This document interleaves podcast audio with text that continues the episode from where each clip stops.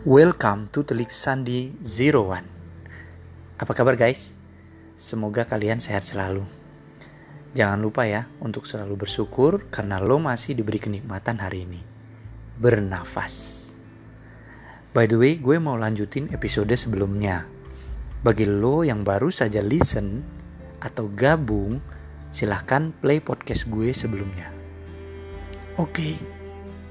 Dari episode sebelumnya, gue dapat beberapa feedback nih guys dari kawan-kawan yang sudah mendengarkan. Thanks banget nih ya, karena atensi kalian itu sangat gue nantikan. Kita akan bahas di episode kali ini. Beberapa WA masuk, pada nanya dan ada yang ngucapin terima kasih. Ada yang minta buatin konten bahkan, supaya gue ngobrol tuh bareng kemarin yang viral sama Pak Luhut, dan ada yang suruh gue juga ngomong sama Mbak Nana alias Najwa. Mudah-mudahan aja didengar sama Mbak Nana atau Pak Luhut ya. Kali aja mereka mau podcastan bareng gue. Oke, feedback pertama. Ada yang bilang ke gue, Bang, kalau dilema itu saat kita dihadapkan pada dua pilihan. Tapi faktanya sekarang ini udah nggak ada lagi pilihannya. Hmm, kira-kira maksudnya apa ya? Gue coba ngilustrasikin. Dari doi yang kebetulan sepertinya nih tenaga marketing suatu perusahaan. Kira-kira mungkin maksudnya ini saat ini udah pandemik nih, meskipun pandemik kita tahu ya belum ada vaksinnya, tetap aja bos gue nyuruh cari, cari, dan cari klien nggak ada hentinya. Bahkan targetnya ditanyain mulu. Iya kan? Ini main di area persepsi guys. Persepsi kritis or persepsi skeptis. Gue coba ngerasain sih di posisi mereka. Sedikit pencerahan. Pertama nih, kalau lu masih kerja dan masih dapat gaji, lu mesti bersyukur. Berapa banyak saudara-saudara kita di luar sana yang kehilangan pekerjaannya. Kemarin aja ada yang viral kan? 6 bulan belum terima gaji tuh. Sampai-sampai ngetek di komen si istri bos besar grup usahanya. Terus berapa banyak ratusan buruh yang di PHK karena perusahaan nggak ngebul. Terus ada maskapai penerbangan juga yang gajinya dipotong. Lu bayangin, Kenapa itu bisa terjadi? Ya karena perusahaannya pasti nggak ngebul, nggak ada bahan bakar, ataupun kalaupun ada bahan bakar sudah tipis. Kenapa gitu? Maybe tempat kerjanya tuh nggak sesettle perusahaan lu. Terus lagi, kalau kita lihat nih, driver Gojek dan Grab, kurang apa mereka? Pandemi-pandemi gini tetap aja narik. PSBB dilarang angkut penumpang, mereka shifting ke jasa mengantar makanan dan barang.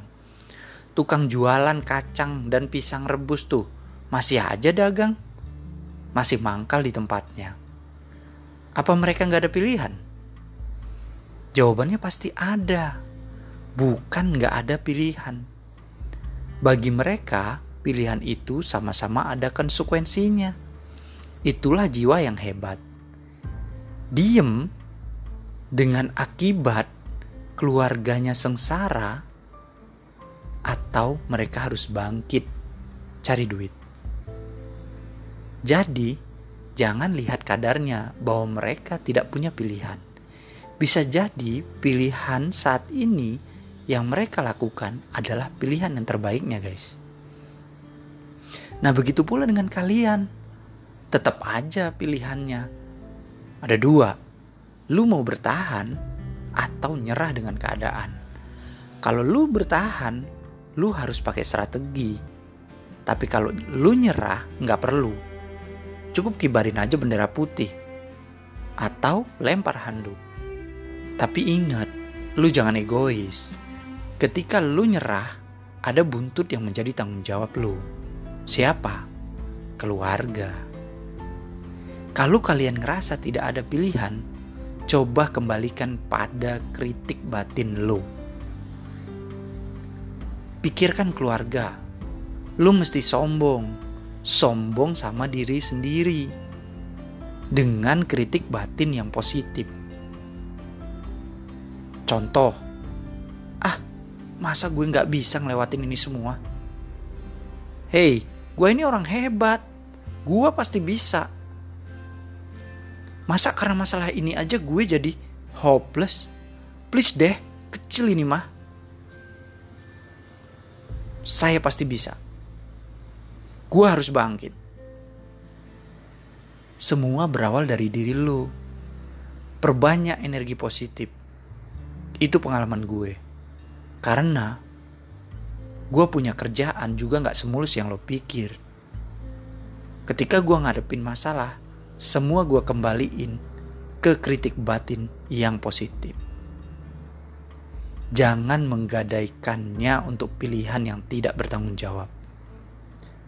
Semakin banyak berpikir negatif, maka ketika lo mengambil keputusan menjadi salah. Nah, itu tadi feedback pertama yang gue bahas. Besok kita lanjutin ke feedback yang lainnya yang mesti lo tahu dan harus dengarkan. Kalau lo suka dengan podcast ini, jangan lupa subscribe dan share ke teman-teman lo. Semoga hati, tubuh, dan jiwa kita tetap sehat. Salam Telik Sandi.